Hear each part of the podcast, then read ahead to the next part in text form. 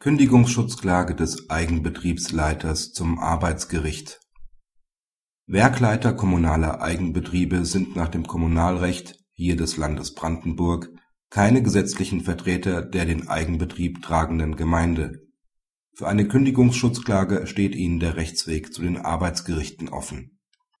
Der Arbeitnehmer ist seit 1990 bei der Arbeitgeberin als Amtsleiter tätig 1999 wird sein Arbeitsverhältnis einem Eigenbetrieb zugeordnet, zu dessen erstem Werkleiter er bestellt wird.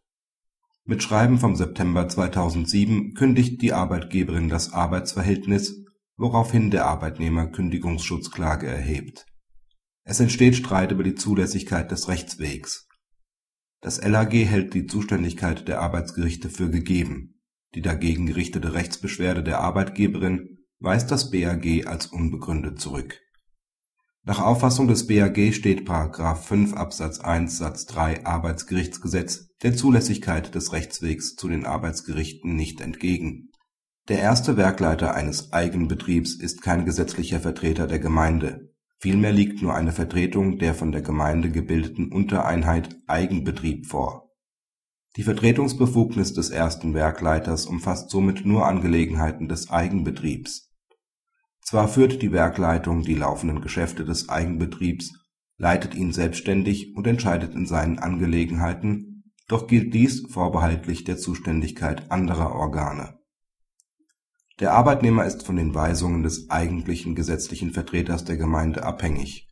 So vollzieht er die Beschlüsse der Gemeindevertretung sowie die Entscheidungen des hauptamtlichen Bürgermeisters und des Haupt und Werksausschusses es handelt sich dabei nicht lediglich um eine gegenständliche Beschränkung der Vertretungsbefugnis, die für § 5 Absatz 1 Satz 3 Arbeitsgerichtsgesetz unschädlich wäre. Der erste Werkleiter vertritt die Gemeinde nicht im Sinne der von § 5 Absatz 1 Satz 3 Arbeitsgerichtsgesetz verlangten umfassenden Zuständigkeit. Für eine Vorlage der Rechtswegfrage an den Großen Senat sieht der fünfte Senat keinen Anlass da eine Divergenz zur Entscheidung des zweiten Senats damals zu § 14 Absatz 1 Nr. 1 Kündigungsschutzgesetz nicht besteht. § 14 Absatz 1 Nr. 1 Kündigungsschutzgesetz nimmt die dort genannten Personen lediglich von der Anwendung einzelner Vorschriften des Kündigungsschutzgesetzes aus und bestimmt gerade nicht, dass diese nicht als Arbeitnehmer gelten, was aber Konsequenz des § 5 Absatz 1 Satz 3 Arbeitsgerichtsgesetz ist Praxishinweis Mit dieser Entscheidung führt das BAG seine Rechtsprechung zum Anwendungsbereich des § 5 Arbeitsgerichtsgesetz fort. Es umschreibt die Umstände, unter denen eine für § 5 Absatz 1 Satz 3 Arbeitsgerichtsgesetz unbeachtliche Beschränkung vorliegt und wann eine solche Beschränkung die Vertreterstellung des Arbeitnehmers aufhebt.